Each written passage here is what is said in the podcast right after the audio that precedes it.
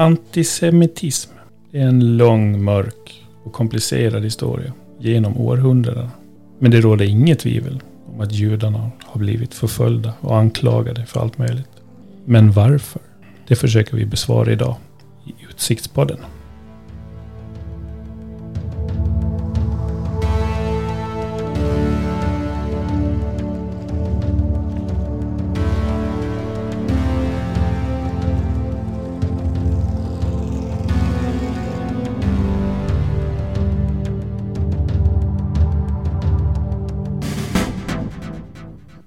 Ja, då är vi igång.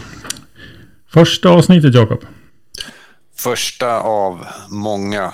Ja, vi hoppas det blir många. Vi har ju några på, på lut så här, som känns att det här skulle vara kul att prata om. Men vi, vi gör väl så att vi kör några stycken och sen utvärderar vi. Är det någon som lyssnar? Är det kul? Det låter som en väldigt god idé att se var vi hamnar. Jag tycker det känns lite nervöst ändå. Men ja, vi får väl... eh, Ja, men vi ser var det landar. Nu är det ju så här att vi har ju den här epidemin. Pandemin heter det väl, när det sprider sig över landsgränser. Och det gör ju att vi måste ju sitta lite på distans. Så jag hoppas att internet och ljudkvaliteten är med oss. Men, antisemitism. Det är ju så att det är ju ganska aktuellt just nu på något sätt. Det dyker upp ibland i, eh, i mediaflödet. Just nu är det ju eh, ett förslag då att det ska bli ett förbud mot att förneka förintelsen där. Och eh, återigen så är det här, ja det dyker upp, antisemitismen. Och, och det är klart att det, det är väl inget tvekan om att, de, att det har varit en utsatt grupp. Men ändå när man frågar varför har de varit utsatta så är det, Jag känns det som att det är svårt för en, för en vanlig, vanlig person som att kunna svara egentligen på varför. För det har en sån lång historia. Eller? Historien är ju egentligen, om man ska räkna, nästan 6000 år. Om vi går tillbaka till definitionen på när, när världen skapades enligt, enligt Gamla Testamentet, Bibeln. Och det är ju då eh, folkslaget, det judiska folkslaget dyker upp historiskt. Men, men om man tänker bara ordet antisemit, är det, är det, det är väl inte bara judarna egentligen? Alltså ord, ordets ursprung. Eh, nej, semiterna är ju ett folkslag från eh, ungefär för 3000 före vår tideräkningsbörjan. Eh, som är en grupp som fanns i, eh, i Mellanöstern. Eh, och sen har, sen har det ju blivit en språkfamilj också. De som är språkvetare pratar om semitiska språk. Det är ju språk som eh, hebreiskan, eh, arabiskan, arameiskan som bland annat då eh, så det, det, det, har sitt ursprung i, i, en grupp och i ett språk. Sen har det fått en annan betydelse i modern tid eller genom tiden. Ja, ja precis. Och modern tid, då, då är det ju ofta att tanken går till eh, judendom och så. Ja, det, blev en, det har blivit en symbol. Det har liksom tappat det ursprungliga och hamnat i en, en pekat mot den mosaiska, det judiska folket och mot i en modern tid de senaste 70 åren, 75 åren mot eh, Israel, staten Israel. Ja, det förstår man ju. Det är ju mer en religion. Det är väl ett eh, folkslag och ett språk och en kultur säkert också. Eh, ja, eh, det är ju en, en världsreligion och den är ju specifik på det sättet att eh, det är den enda av världsreligionerna som är egentligen kopplad till någon form av största del etnisk tillhörighet. Att man föds in i judendomen som, om din mor är judinna föds du som jude.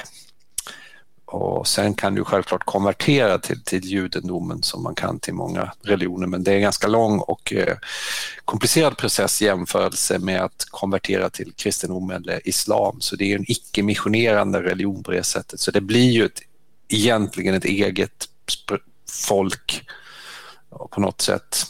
Olika definitioner på det. Man har flera språk. Man pratar ju hebreiska som är eh, som ett högspråket som är det komplicerade ursprungsspråket som man läser mycket texter som var borta under lång tid som dykt upp, som dök upp när Israel egentligen blev en stat. Man pratar jiddisch i Europa som en blandning av hebreiska och tyska. Eh, så det finns flera olika aspekter av språket där. Och sen kultur är det ju, det är ju på ett sätt en, en, en kultur men den har väldigt många underkulturer beroende på att du har en judisk befolkning i Europa, du har en judisk befolkning som bor i USA, du har en judisk befolkning som bodde i Nordafrika, du har en judisk befolkning som var kvar i Palestina och sen så blev Israel. Så det är olika kulturer med kopplingen är etniciteten och eh, religiösa uppfattningen. Och sen ska vi lägga till, alla är inte heller religiösa. Det finns en stor del av den judiska befolkningen som är lika mycket ateister som i alla andra områden i världen. Ja, om man nu, ehm, om man nu ändå ska gå till, till eh, att de har varit en utsatt grupp så, så det, om man börjar man att luska i det här, vad, vad, vad, har de blivit eh, anklagade för? Ja, gudsmördare, de har blivit anklagade för att de är en maktelit, att de sitter på all ekonomi, att de äger alla länder och att de tar ut eh, ränta för att de sitter i bankväsende. det, det, det, det känns som att det, det, de har anklagats för, för allt. I, ja, var börjar man någonstans? Um, det, det, det, är ju så, det är ju flera olika, man, man, borde nog börja i det som, som definieras som den religiösa antisemitismen och man ska tydliggöra att antisemitism ord här det är ju eh, hat mot eh, det judiska, om det är den judiska religionen eller judiska folket eller i, eh, en, en stat som är ganska till stor del judisk så är det ju antisemitism. Eller allt på en gång? Det, ja, en kombination kan det vara också. Um, och det, går ju tillbaka, det här går ju tillbaka på, den religiösa antisemitismen, är, det går ju tillbaka på att när kristendomen växer fram så, så är det ju så att kristendomen är ju egentligen från, från nollläget en, en judisk sekt. Jesus är ju själv då, om han nu har funnits, den historiska Jesus har väl funnits, är ju född av judiska föräldrar. Vilket innebär, eller judisk mor, vilket innebär att han är judisk börd och sen så blir han ju avrättad och då så dyker kristendomen upp som en utveckling ur det här och för att kristendomen ska kunna definiera sig mot judendomen så måste de ju peka på att men vi är inte judiska fast vi har mycket av regelverket och vi läser samma religiösa böcker och liknande. Men, men det här med, om vi bara tar ordet gudsmördare, jag antar att det kommer därifrån då. Alltså att Jesus och treenighet, att han är också Gud och att de hade ihjäl judarna då, hade ihjäl Jesus. Är det, är det därifrån det kommer? Ja, det är så, det, det är så man definierar det. det är att, att, historien är ju att det är ju den romerska ståthållaren Pontius Pilatus som avrättar Jesus. Eh, men att då menar de att det judiska prästerskapet i, i Jerusalem vid samma tid låg bakom det och ville göra det. Det är mycket möjligt att de kanske var intresserade av att få bort Jesus som, som en individ, men det här är den kopplingen som har blivit det. Judarna har dödat deras Gud och det är ju treenigheten. Jesus är ju en del av Gud. Det här är ett sätt att, att särskilja sig från judendomen för kristendomens skull, när kristendomen ska bli en världsreligion. Det här, det här sker ju inte hundra år efter Kristi födelse eller hundra år in i vår tid. Det här sker ju när kristendomen börjar bli stark i, i Europa så måste man ju peka ut judendomen som någonting farligt.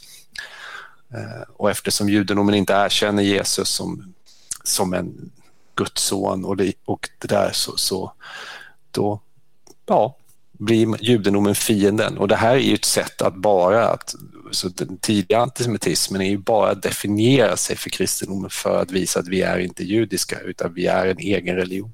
Mm. Men det kan ju inte ha, jag tänker att var det inte så att det tog ja, 400-500 år innan egentligen eh, eh, kristendomen började ta fart. Så det, det, man kan, det är väl dumt att säga att judarna blev, eh, blev anklagade, alltså att de blev förföljda som grupp direkt efter då avrättningen av Jesus. Så det måste ju ha dykt upp lite senare kanske. Ja, alltså det, den förföljelse som är kopplad till en religiös form, men i, i romarriket så romarriket krävde ju, Rom krävde ju att man krävde lydnad av, av de olika ockuperade områdena. Eh, man tillät faktiskt ganska mycket så här, ja, betala skatt och gör alltså en slags grundläggande, vi kan acceptera Rom var ju politistiskt, hade ju många gudar. Men i, i, eh, i Judeen och i Palestina så kunde man inte acceptera att, att, att Rom hade fler gudar, därför de är ju monoteistiska, judendomen.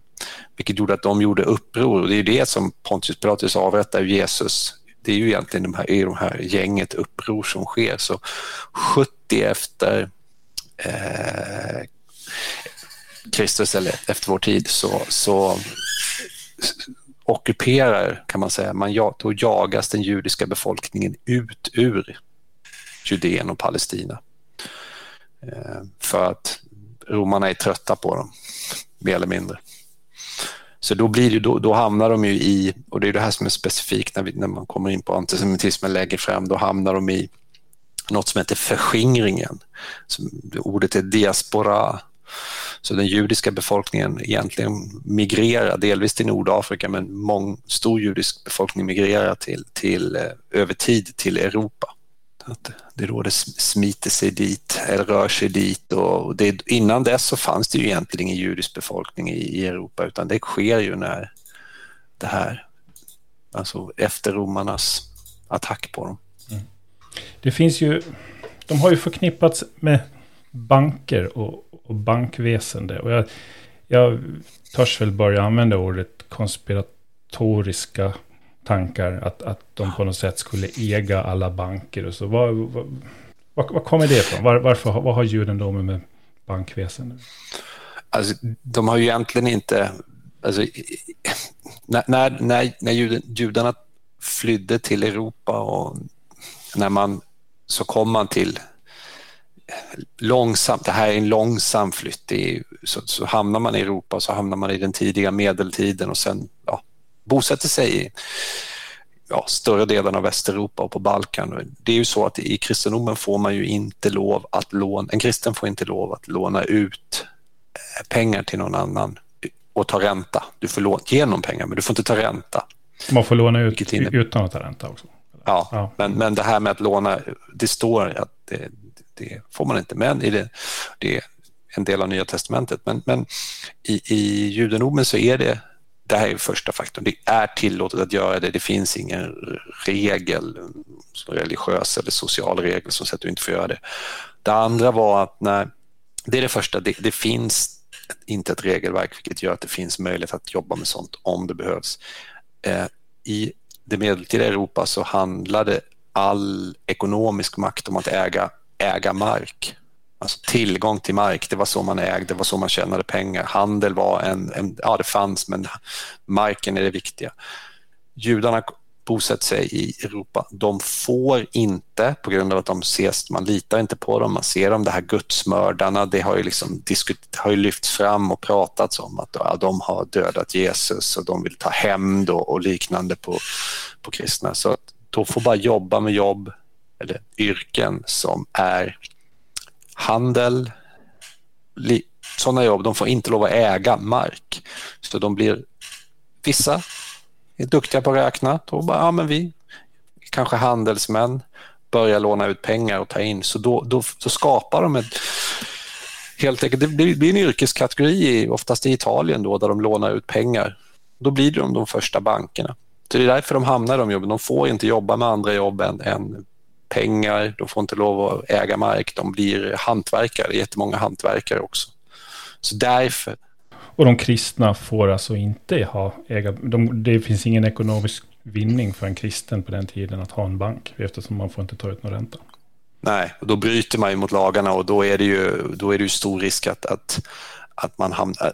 Helvetet var ju en, en plats på jorden som alltid existerade. I, och det var inte bara en, en, ett hot, utan, det var, och det var, utan man, då bröt man mot lagen och den religiösa lagen och då är det ju helvetet som gäller. Så det är därför. Och Det som händer då, är, det här måste ju ändå också eh, kombineras med att, du, du nämnde i början om det pandemiska som vi, är, vi hade, det var ju en, en ännu större pandemi eh, under medeltiden, pesten och eh, då, då blev judarna också för att förstå det här utpekandet som skedde. Judarna blev utpekade som att de har varit förgiftat brunnar, att de har varit inblandade i pestepidemin. Så det är det här som växer ihop mot att det här antisemitiska som är kopplat till banksystemet, till att de vill ta hämnd och liknande. Så du har alla de faktorerna som hänger ihop, som vi ser idag också, de kopplingarna. Mm. Och, eh, och, nu har vi diskuterat egentligen det kristna i, i kontrast till, till eh, judarna. Men det, om man ska växla in, jag kan tänka mig att det finns en, en annan konflikt också som har, som har gjort dem till en utsatt grupp. Och då tänker jag på islam till exempel. Är, är det inte, har det inte alltid funnits lite motsättningar där också? När det, det här som man läser om nu med Gaza och så vidare. Det, det är väl, där kommer väl en, en annan kultur in och krockar kanske, ska jag tänka mig. Ja, det intressanta här är att eh, under lång tid så, så de, de kan prata om medeltida Spanien eh, som var eh, där det var tre stycken religioner, kristendom, judendom och islam. Judendom och islam kom ganska bra överens. Eh, då, det fanns ju ganska stora judiska grupper kvar under, när islam växte fram under, eh, från 1600-talet framåt. Eh, så under lång tid så, så accepterade islam, när det var en majoritetsreligion, judendomen, eh, för att det var en monoteistisk religion. Eh, de betalade skatt, vilket i islam är det så att om du är muslim behöver du inte betala skatt. De betalade skatt, eh, de kanske höll sig på sin kant så att de kom ganska bra överens. Den stora fienden var ju kristendomen och det är ju delvis vad som händer i Europa under medeltiden och delvis är det ju korstågen. Så att under lång tid så, så det fanns ju såklart slitningar men det var aldrig samma slitningar som mellan kristendom och, och eh, eh, judendom, utan den stora skillnaden är, du nämner Gaza, de stora förändringarna är, är ju eh, arvet efter första världskriget när eh, britterna och fransmännen delar upp eh, det gamla ottomanska riket eh, så att britterna tar en del och Frankrike tar en del. Britterna tar Palestina och Jordanien eller Transjordanien och Eh, fransmännen tar dagens Syrien och, liknande. Eh, och där, då börjar det bli för då, då bör man garanteras, det, det finns något som heter Balfourdeklarationen, där man garanterar att det ska finnas någon form av judisk grupp ska få bo tydligt i området. Och efter förintelsen och när Israel bildas som land, det är då den stora konflikten kommer mellan eh, islam och judendomen. Som det är den man ofta tänker på idag. Så det, det, innan dess var det ju kristendomen som var...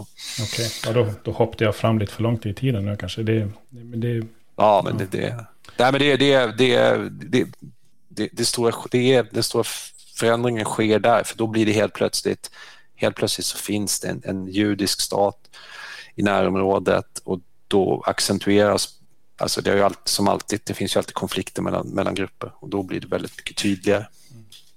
Men om vi nu ändå landar i någon form av eh, krig här då, det första världskriget och och eh, ja, som ledde sen till andra världskriget. Och då, då vi kan ju inte undgå att prata om eh, nazismen såklart, eftersom den har till viss del definierat vad, vad antisemitism är. Och då känner jag, vad, vad, vad var det som gjorde att judarna mm, uppstod som någon form av hot för ja, Tyskland?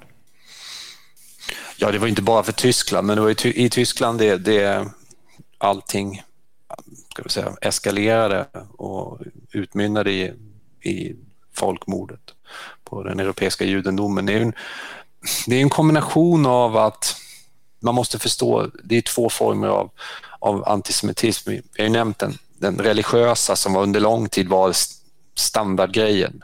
Sen så under, under 1800-talet så eh, arvet av den franska revolutionen i Europa gör att många länder i Europa och Napoleonkriget eh, leder till att det helt plötsligt så är det medborgare som vill ha rättigheter, man vill ha ett eget land utifrån ett eget språk. Ehm, och man börjar definiera sig väldigt tydligt som en folkgrupp. Exemplet i Sverige är ju att man börjar titta tillbaka på vikingatiden och de här bilderna av vikingar med, med, med horn och sånt, det är ju ett mm. svenskt 1800-tal. Så att helt plötsligt hör man, och det här är väldigt viktigt att förstå, vi har bott här, vi pratar, vi har samma kultur, vi har samma språk.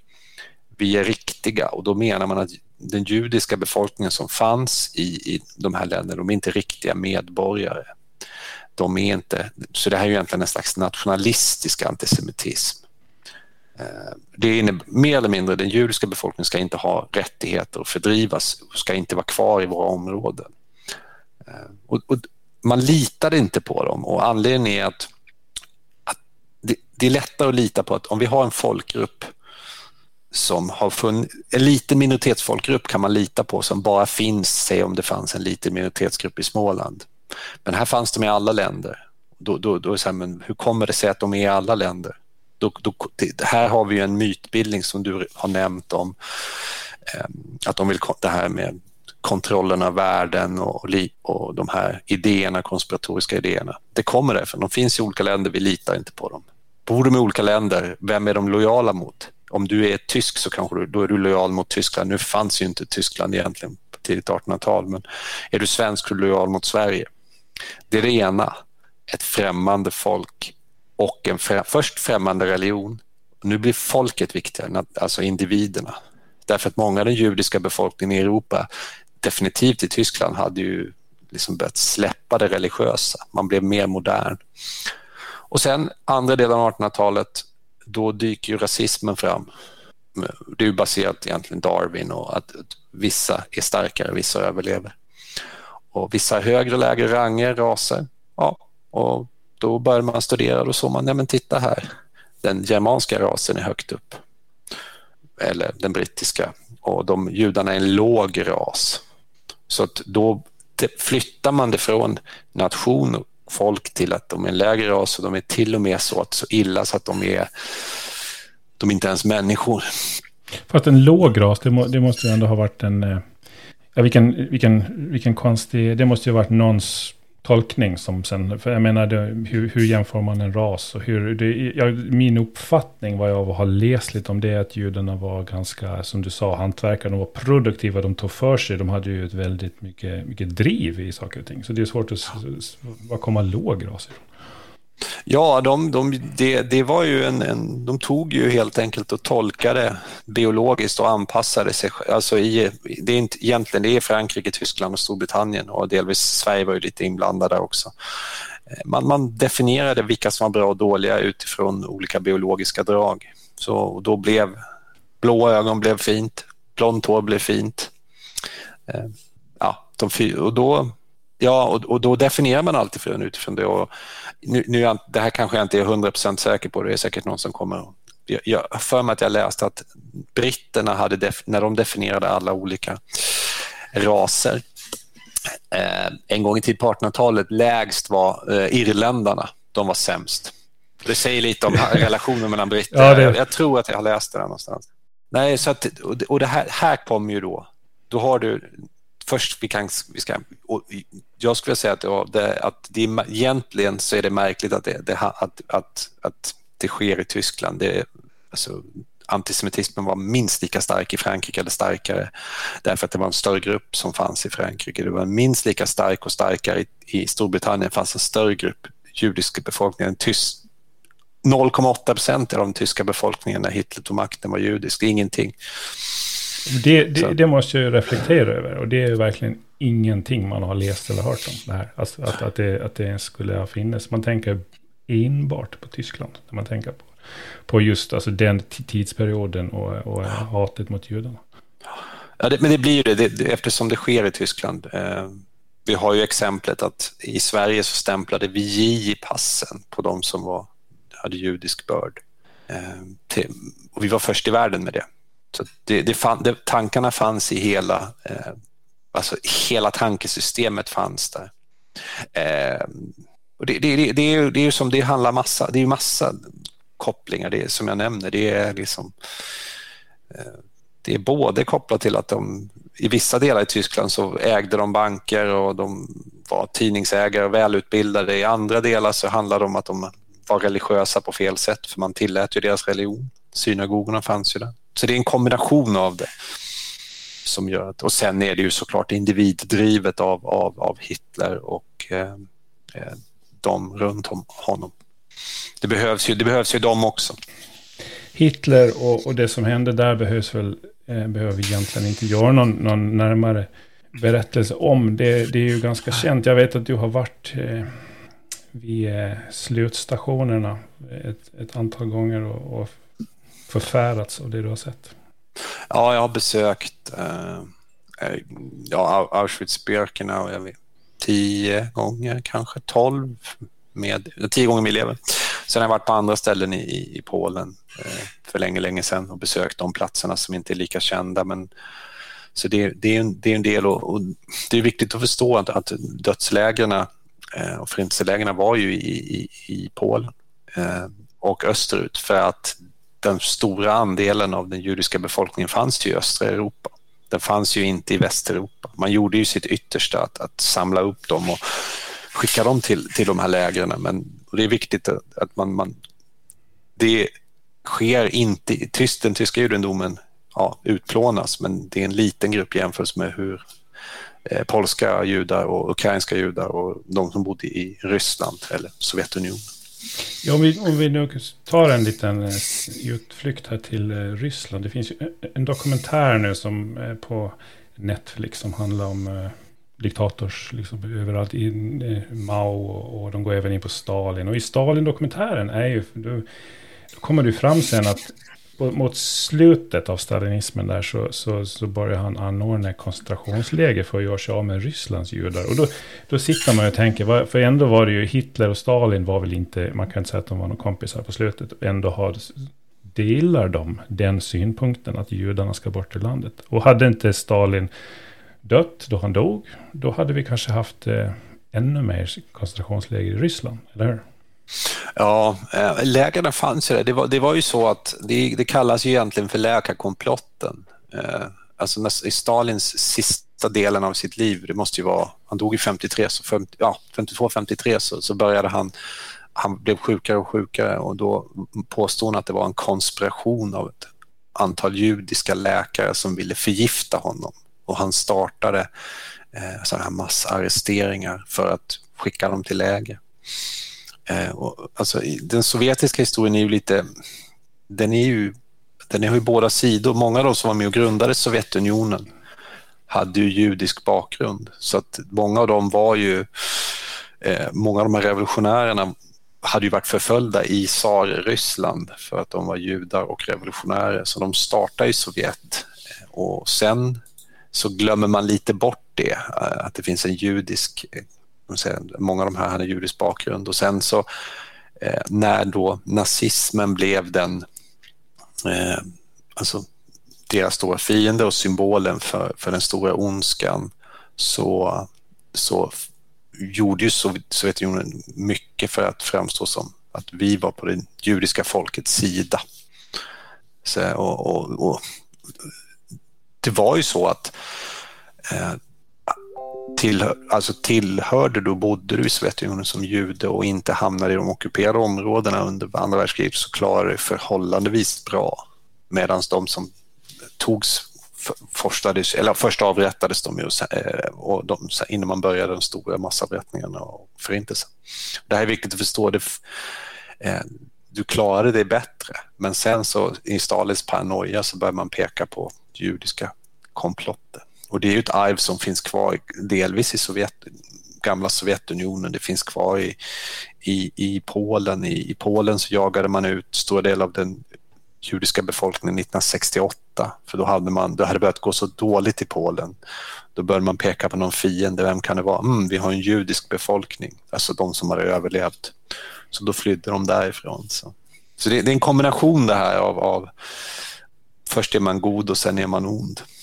Jag, jag hörde någon att Stalin ska ha blivit övertygad om eh, judarnas eh, hemskhet genom någonting som heter Sions vises protokoll. Och det ska ha varit någon, någon bok som såldes eh, på eh, svenska bokhandlar fram till 1990-talet. Vad, vad är det? Vad är Sions vises protokoll?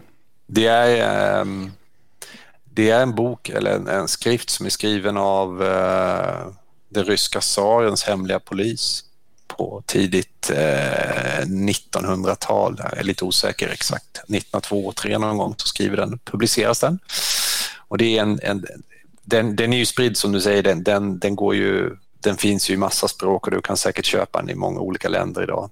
Det är en, eh, den beskriver egentligen hur den judiska befolkningen vill ta världsherravälde och de har, de har haft planer på det här genom hela historien och den lyfter fram att det var eh, rabbiner som låg bakom den franska revolutionen eh, eh och alltså, judiska prästerskapet. Det, det var eh, judarna sprider sjukdomar och då tittar man tillbaka på eh, medeltiden, men den kan även vara nu modern tid med sjukdomar. De menar att de, de, de ligger bakom sen kan man ju tolka in det, att de låg bakom första världskriget för att liksom skapa oro. De upplöser samhällen, de, eh, de vill ta makten via både ekonomiskt och kulturellt eh, och liknande. Så du, du har mycket av de där sakerna kan man sen tolka in. Men så om, om någonting ska kunna klassas som hets mot folkgrupp, då måste det ju vara symbolen för det, just det här Sions vises protokoll. Ja, eh, det är ju det och samtidigt alla, det är ju bevisat att det är en förfalskning men det används ändå så det är klart att det, det blir väldigt tydligt hets mot folkgrupp på många nivåer. Eh, men den används ju idag eh, i, i, i grupper, allt från de klassiska högerextrema, nästan nazistiska grupperna så finns de där.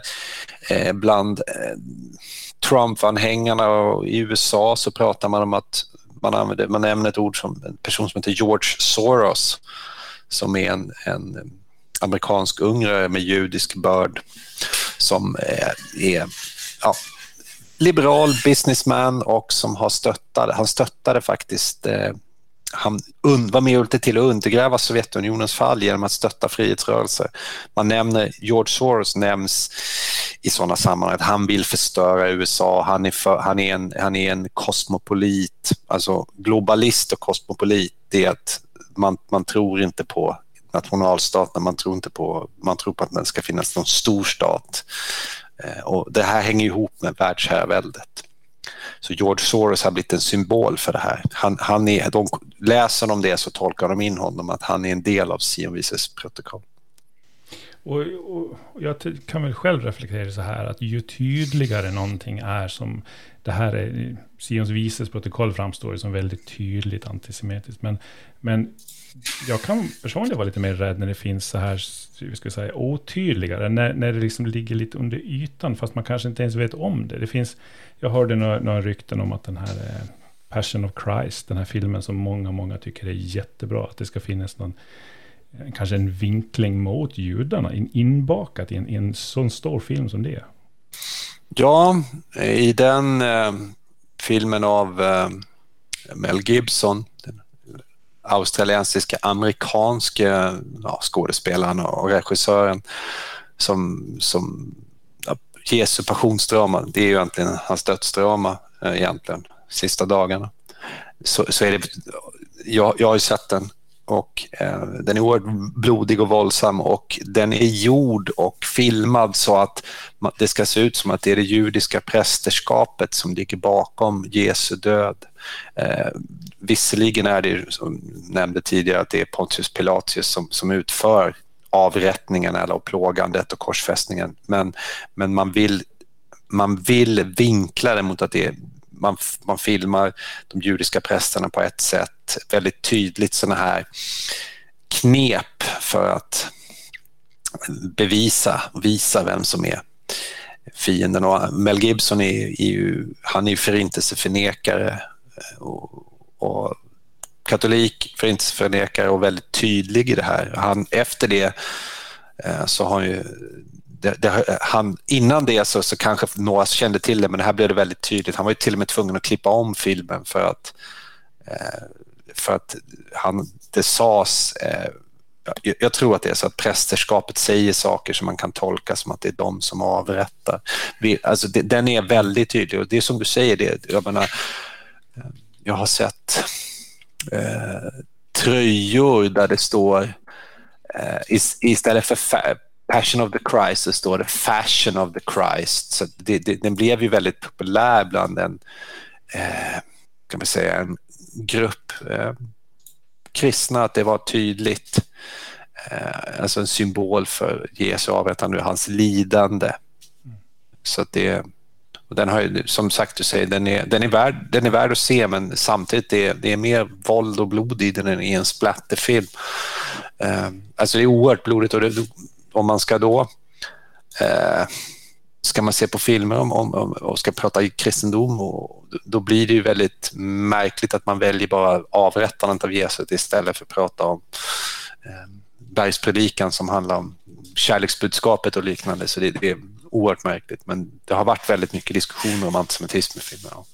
Jag kan, jag kan också tänka mig att en annan eh, eh, ja, punkt till eh, kontroverser har ju varit eh, staten Israel. Alltså det, för det, jag tror någonstans att man måste vara ganska tydlig med det. Det är okej okay att vara kritisk mot vissa agerande som staten Israel gör. Men det, jag antar att det lätt smittar av sig så att man tänker att det är judarna på något sätt som, som gör vissa... Det är klart att det händer mycket på just Gaza på båda sidorna. Men det, det, jag, jag kan tänka mig att det, att det flyter en del eh, anklagelser åt, åt alla möjliga håll. Ja, det är, ju, det är ju en del egentligen av den, mm, kan vi säga, den moderna antisemitismen som har växt fram och det är ju, det är ju kopplat till Israel bildas som land eh, och hamnar i krig med grannländerna. Eh, och det är viktigt att förstå, de, de, de slåss ju i ett antal krig med grannarna. Eh, och i det här så, så då blir de det, den enda ska vi kalla det, de, de är ju en judisk stat, de är religiöst judiska, kulturellt. Eh, då blir de på något sätt symbolen och grannländerna kanske från början inte var mot dem religiöst, alltså det var kanske nog inte en religiös konflikt utan det är en territoriell konflikt som sen har eh, hamnat i en konflikt som är antisemitisk. Eh, det är ju ganska, också ganska lätt när, när, när grannländerna får stryk i krigen, Egypten, Jordanien, Syrien bland annat. Eh, då vill man ju stärka den egna befolkningens, eh, ska vi kalla det för, moral eh, efteråt och då, då pekar man ju på judiska. Och det fin vi har inte nämnt det, men det finns ju såna idéer om ritualmord i judendomen, att man, tar, man dödar kristna spädbarn och så ja, gör det man... har man hört. Det, och var kommer en sån grej från? Man har sett karikatyrer på någon jude med huggtänder och spädbarn. Hur kan, hur kan man ens komma dit? Hur får man fram sånt? Eh, det är ju återigen det är medeltida och då är det ju kopplan, kopplingen till att först kopplar du liksom någon form av mord, då är det Jesu korsfästelse och sen eh, så kristendomen har ju nattvarden, nattvardsbrödet eh, och då, då, då säger man ju att det här är Kristi kropp i, i mässan, alltså det är Jesu kött och blod. Och då menar de att då, då dödar man spädbarn och sen så gör man ner det i brödet. Och det är ju sådana här myter, fantasimyter som, som finns. Kidnappa kristna barn. Ja. Och det, det, alltså det, det, finns, det har funnits, jag är osäker på om det nu, men jag vet att jag läste för ett antal år sedan att det fanns så här daytime television i jag kommer inte ihåg om det var i Syrien eller Libanon där, där, det, är, där det förekommer sådana saker att det, judarna gör ritualmord. Och så för att visa, stärka. Än idag, om vi tänker att det här ja. är en skröna som uppstår på, på medeltiden, så sitter vi 2021 med, med judar och döda spädbarn. Ja. Wow. Ja, det är otroligt. Och, då, ja, ja, och vi pratar modernt och vi har ju eh, nynazism. Jag, jag tror att en viss del eh, Ja, men de, de, har väl kvar någon form av, av eh, avsky mot judendom. Men det, det, man undrar, hur kan de eh, alltså, i modern tid ha... ha eh, lev, är det mycket som lever kvar då, menar du? Om det är nazistiska rörelser så, så, så, fin, så, finns det ju där och då är det ju... Alltså, de menar ju då att... Eh, ska man, hur ska man förklara? Jo, alltså, den svenska, oavsett vem som är statsminister så är den svenska statsministern i, i, jobbar tillsammans med en, en eh, judisk rörelse som vill förstöra eh, Sverige. De är symbol... Alltså det blir ju delvis är de ju de gillar inte den judiska religionen, de gillar inte det judiska folket, men, men de är, de, det har också blivit en, vad ska man säga, det har blivit en mer än ibland symboler för att Eh, svenska staten är kontrollerad av judendomen, att det, de är, är jude i anden. Förstår du? Att, att man säger så här, okej, okay, Stefan, ja, Stefan Löfven, han är, han är, han är in League with them. Alltså det, där finns det. Alltså, de använder Alltså det, det, det, det, eftersom den judiska befolkningen i Sverige är så otroligt liten så blir det då pek, genom att säga att den svenska staten, den svenska polisen, alla de är tillsammans med judendomen eh, så, så blir det både en symbol för världsherraväldet och kontrollen att vi har gett bort staten men sen så ha, finns det ju så, såklart planer på att, att eh, om de skulle få makten att, att göra någonting åt den judiska befolkningen som är väldigt liten. Men det, det är viktigt, ja, det, det, finns ju där, men det är mycket en symbol. Eh, det är alltid ehm, eh, på, precis på samma sätt som när eh, Anders Bering Breivik, han hade ju ett manifest som ett, eh, efter eh, hans massmord, terrormord, terrordåd. Då pratar de om, de har en term som heter Gates of Vienna inom högerrörelsen. Och det är ju att eh, 1683 så försvarade sig Österrike-Ungern, eller Österrike, Habsburg, mot, eh, mot den ottomanska anfallet mot ottomanerna var muslimer. Då, när man pratar om Gates och Vienna i modern, det här liknande symboler, då är det så här, nu ska vi kasta ut den muslimska befolkningen i Europa. Vi ska sätta ner foten. Eh, så att det, det, allting hänger ihop, det är symboler. Och... Symboler och egentligen så det finns väl mycket lika med tecken med, med rasism och, och, och rädsla här antar jag. Ja, det är ju... Det är ju liksom, rasism. Som, ja, det är, det, är, det, är, det, är ju, det är ju grunden i det. Det finns ju det.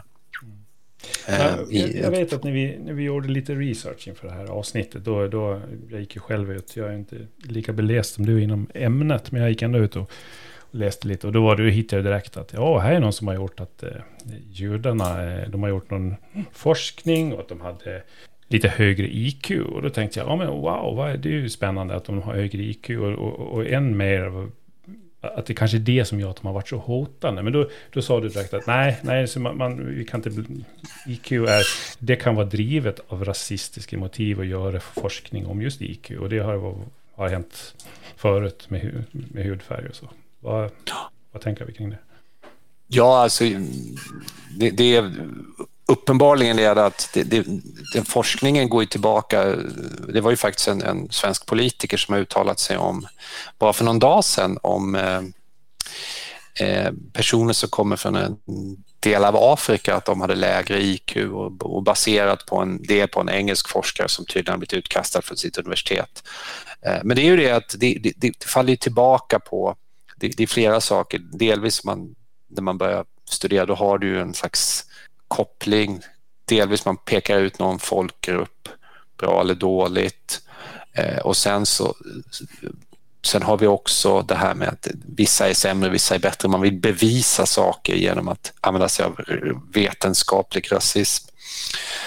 Eh, och, och, när jag tittade igenom eh, en av forskningsmaterialet som var publicerat på något universitet i USA så, så använde de sig av termer när de beskrev eh, hur den judiska befolkningen hade levt i Polen, då, då var det de här tydliga, de lånade pengar, de, alltså det fanns de här klassiska antisemitiska koderna i det. Så de, de, de finns där. Och det, det, är ju, och det är ju kopplingen till att ja, de vill kontrollera världen, de är välutbildade eh, och de, de är advokater och läkare, de har tidningar.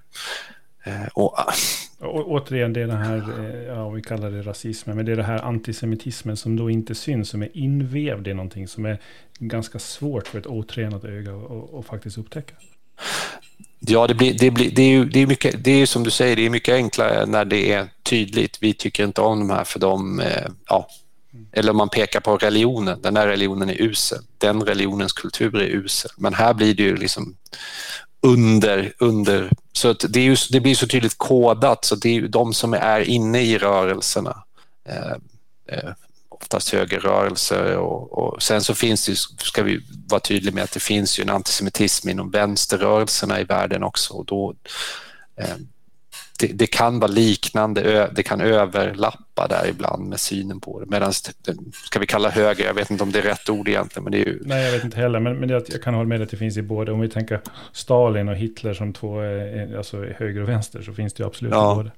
För i vänsterrörelsen är det mycket kopplat till Israel som land eh, och Israel är land är stöttat av USA och då blir det liksom guilty by association, delvis det. Eh, alltså du, vi kan ta exempel från Storbritannien eller Förenade kungariket. Den före Labour-partiledaren Jeremy Corbyn eh, har, har, sagt fler, gjort flera uttalanden som, som, som man kan direkt tolka som... Det är en sak som du nämnde, att kritisera is, vad ett, ett land gör, men när man, liksom, man läser, lägger till saker som är kopplat till att det här landet gör det för att de är judiskt Eh, det är som kritiserar vi Sverige, skulle en sån kritisera Sverige så är det ju inte svenskarna utan då är det, nu har ju det svenska landet gjort någonting dåligt här.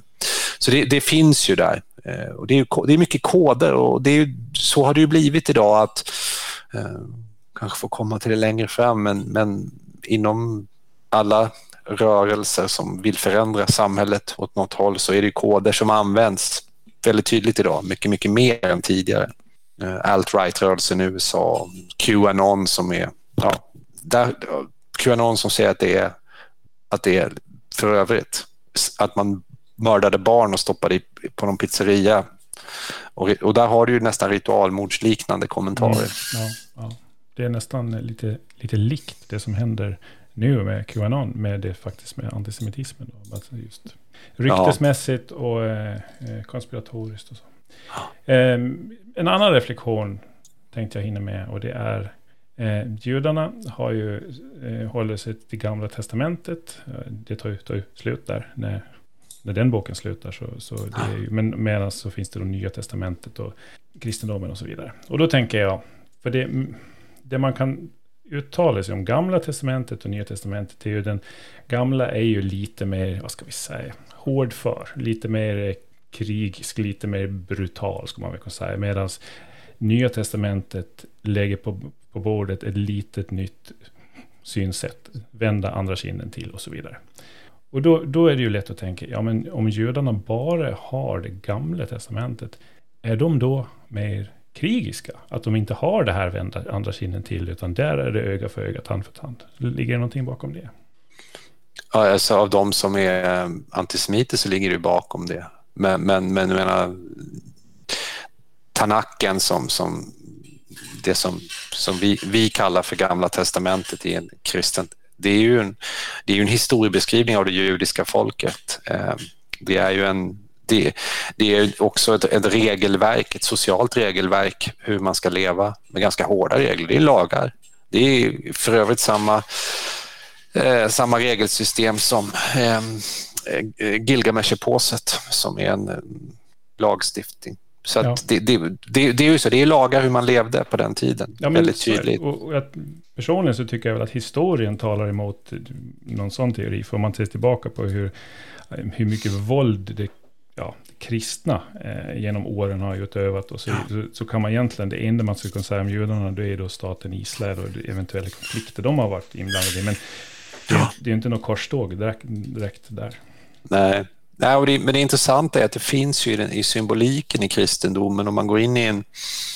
Eh, om man går in och tittar på ett, på ett krucifix eh, där, där Jesus är med på krucifixet, då är det inte bara ett kors, så har han alltid... Eh, hans huvud är alltid lutat åt högersidan. Eh, och det är det nya testamentet, det symboliserar det nya testamentet, den goda sidan, den, den, den gode guden, den förlåtande guden, medan vänstersidan är eh, den onde guden, den arge guden. Den, och då, då blir det, man, ja, precis, man symboliserar det så hela tiden. Återigen man måste... det här innästlade, det, det, där är ju en tanke som inte jag ens visste om, så det vet väl knappt någon om, utan om man är så historienörd som du. Men ändå, det, det är ändå innästlat på något sätt. Och, jag menar, det har ju den symbolen i, om du går in i en kyrka, bara nämna höger vänster. Vänstersidan i kyrkan är ju spinnsidan om man då väljer, känner om det är en brud och en man som gifter sig. Och, och på den sidan är det ofta inga, inga fönster, det är norrsidan, där kommer djävulen ifrån. Medan i svärdsidan är den goda sidan så kvinnorna är ju lite sämre än männen, så allt höger och vänster det är, vad heter vänster på, på, på, vad heter vänster på, på italienska? Det är sinistra. Tyska heter ju links och rechts. Rechts ju. Ja. Ja. Så det, det finns många kopplingar. Men det, det, det är ju det, är det här hur symboler används. Alltså nu känns det som att vi måste ha ett avsnitt som eh, Heta symbolism, helt klart, någon gång.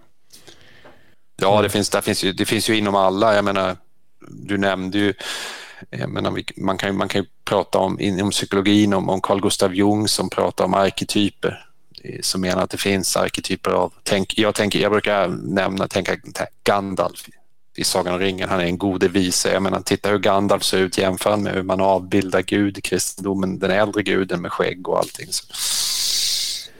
Ja, jag skriver upp det. Sym symbolism måste vi ha med. Vi, eh, vi närmar oss slutet. Har vi kommit fram till någonting? Judar. Ska, ska, vi, ska man sammanfatta det som att eh, antisemitism är, det är rasism, det är konspirationsteorier och det är rädsla? Ja, och, att den, det, och den är seglivad skulle jag vilja säga. Den finns i, i, i alla i, i, i, i, den, i, i eh, västerländska kulturer väldigt tydligt. Seglivat sen genom historien. Ehm, den finns ehm, i, när, när, när nazisterna anföll Polen och Sovjet så visste alla vem som var judar i området. Förstår du hur det hänger ihop, hänger ihop att man, där bor judarna så att det har funnits det. Andra grupper som man har kunnat peka ut på samma sätt, romerna pekas ut på liknande sätt, alla vet vilka som är romer. Ehm, så det, det, det, den är djupt, djupt rotad i västerlandet och den, kom, den dyker upp i olika, på olika omfattning och på olika sätt. Eh, och det kan vara allt från eh, när man i tsar-Ryssland attackerade byar och brände byar som kallas för pogromer. Man attackerar. Det kan vara att man, ja, det är förintelsen är ju den stora liksom, attacken men du har än idag när man i dagens Polen i, i vissa delar inte inom universitetsvärlden inte får säga att polacker var inblandade i förintelsen. Så det, det finns där under ytan hela tiden. Vi tackar för idag. Eh, Tackar. Nästa gång så pratar vi NATO. Och eh, vi har eh, en gäst i studion. Då. Och eh, det är också ett aktuellt ämne med tanke på vad som, vad som händer nu österut. Ryssland står där vid Ukrainas gräns och så vidare. Och det är lätt för en svensk nu och tycka att ja, vi måste gå med i NATO. Och då tänker vi, är det bra? Är det bra? Är det, är det kanske dåligt? Eller är vi kanske redan med? Och så vidare. Men det tar vi nästa gång. Ja. Tack så mycket. Tack så mycket.